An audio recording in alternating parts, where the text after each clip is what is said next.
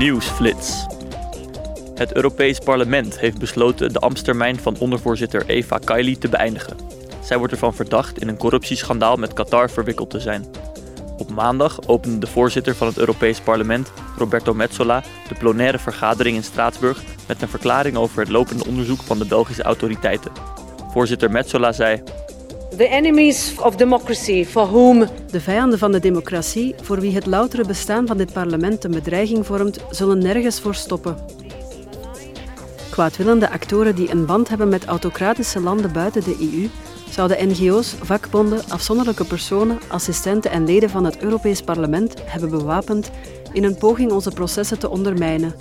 Hun kwaadwillige plannen zijn mislukt. Samen met de andere Europese instellingen zullen wij zo lang als nodig ons steentje bijdragen aan het onderzoek. Corruptie mag nooit lonen en wij hebben verzekerd dat deze plannen niet gerealiseerd konden worden. corruption cannot pay, and we have played our part in ensuring these plans could not materialize. De leden van het Europees Parlement hebben gisteren een debat gehouden over de verdenkingen van corruptie met Qatar en over de bredere behoefte aan transparantie en verantwoordingsplicht in de Europese instellingen. Morgen zal de resolutie in stemming worden gebracht. Gisteren hebben de parlementsleden en uitvoerend vicevoorzitter van de Europese Commissie Frans Timmermans gedebatteerd over een nieuwe wet. Het wetsvoorstel heeft tot doel sneller vergunningen af te geven voor hernieuwbare energieinfrastructuur, zoals zonnepanelen of windmolens.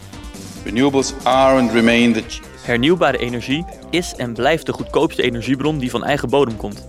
Dat is precies wat we nodig hebben. Als we onze hernieuwbare energiebronnen sneller willen inzetten, moeten we de administratieve procedures voor de goedkeuring van hernieuwbare energieprojecten veel beter stroomlijnen. We moeten samen en parallel met de EU-landen optreden. together with member states who will need to act in parallel. De stemming over de nieuwe wet vindt vandaag plaats. Gisteren zijn de leden van het Europees Parlement in gesprek gegaan met de Sloveense premier Robert Golob over de toekomst van de EU. Premier Golob had het ook over de energiecrisis. Hij verklaarde: the green transition De groene transitie is niet alleen de enige weg vooruit, maar ook de enige oplossing om drie problemen tegelijkertijd aan te pakken. Ze versterkt de Europese autonomie en is de enige manier om energie onafhankelijk te worden. Ze beperkt de klimaatverandering en uiteindelijk zorgt ze ook voor lagere energieprijzen.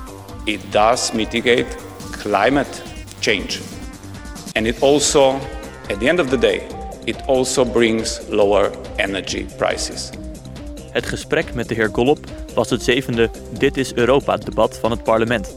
In het kader van deze debatten kunnen EU-leiders hun visie op de toekomst van Europa bespreken met de parlementsleden.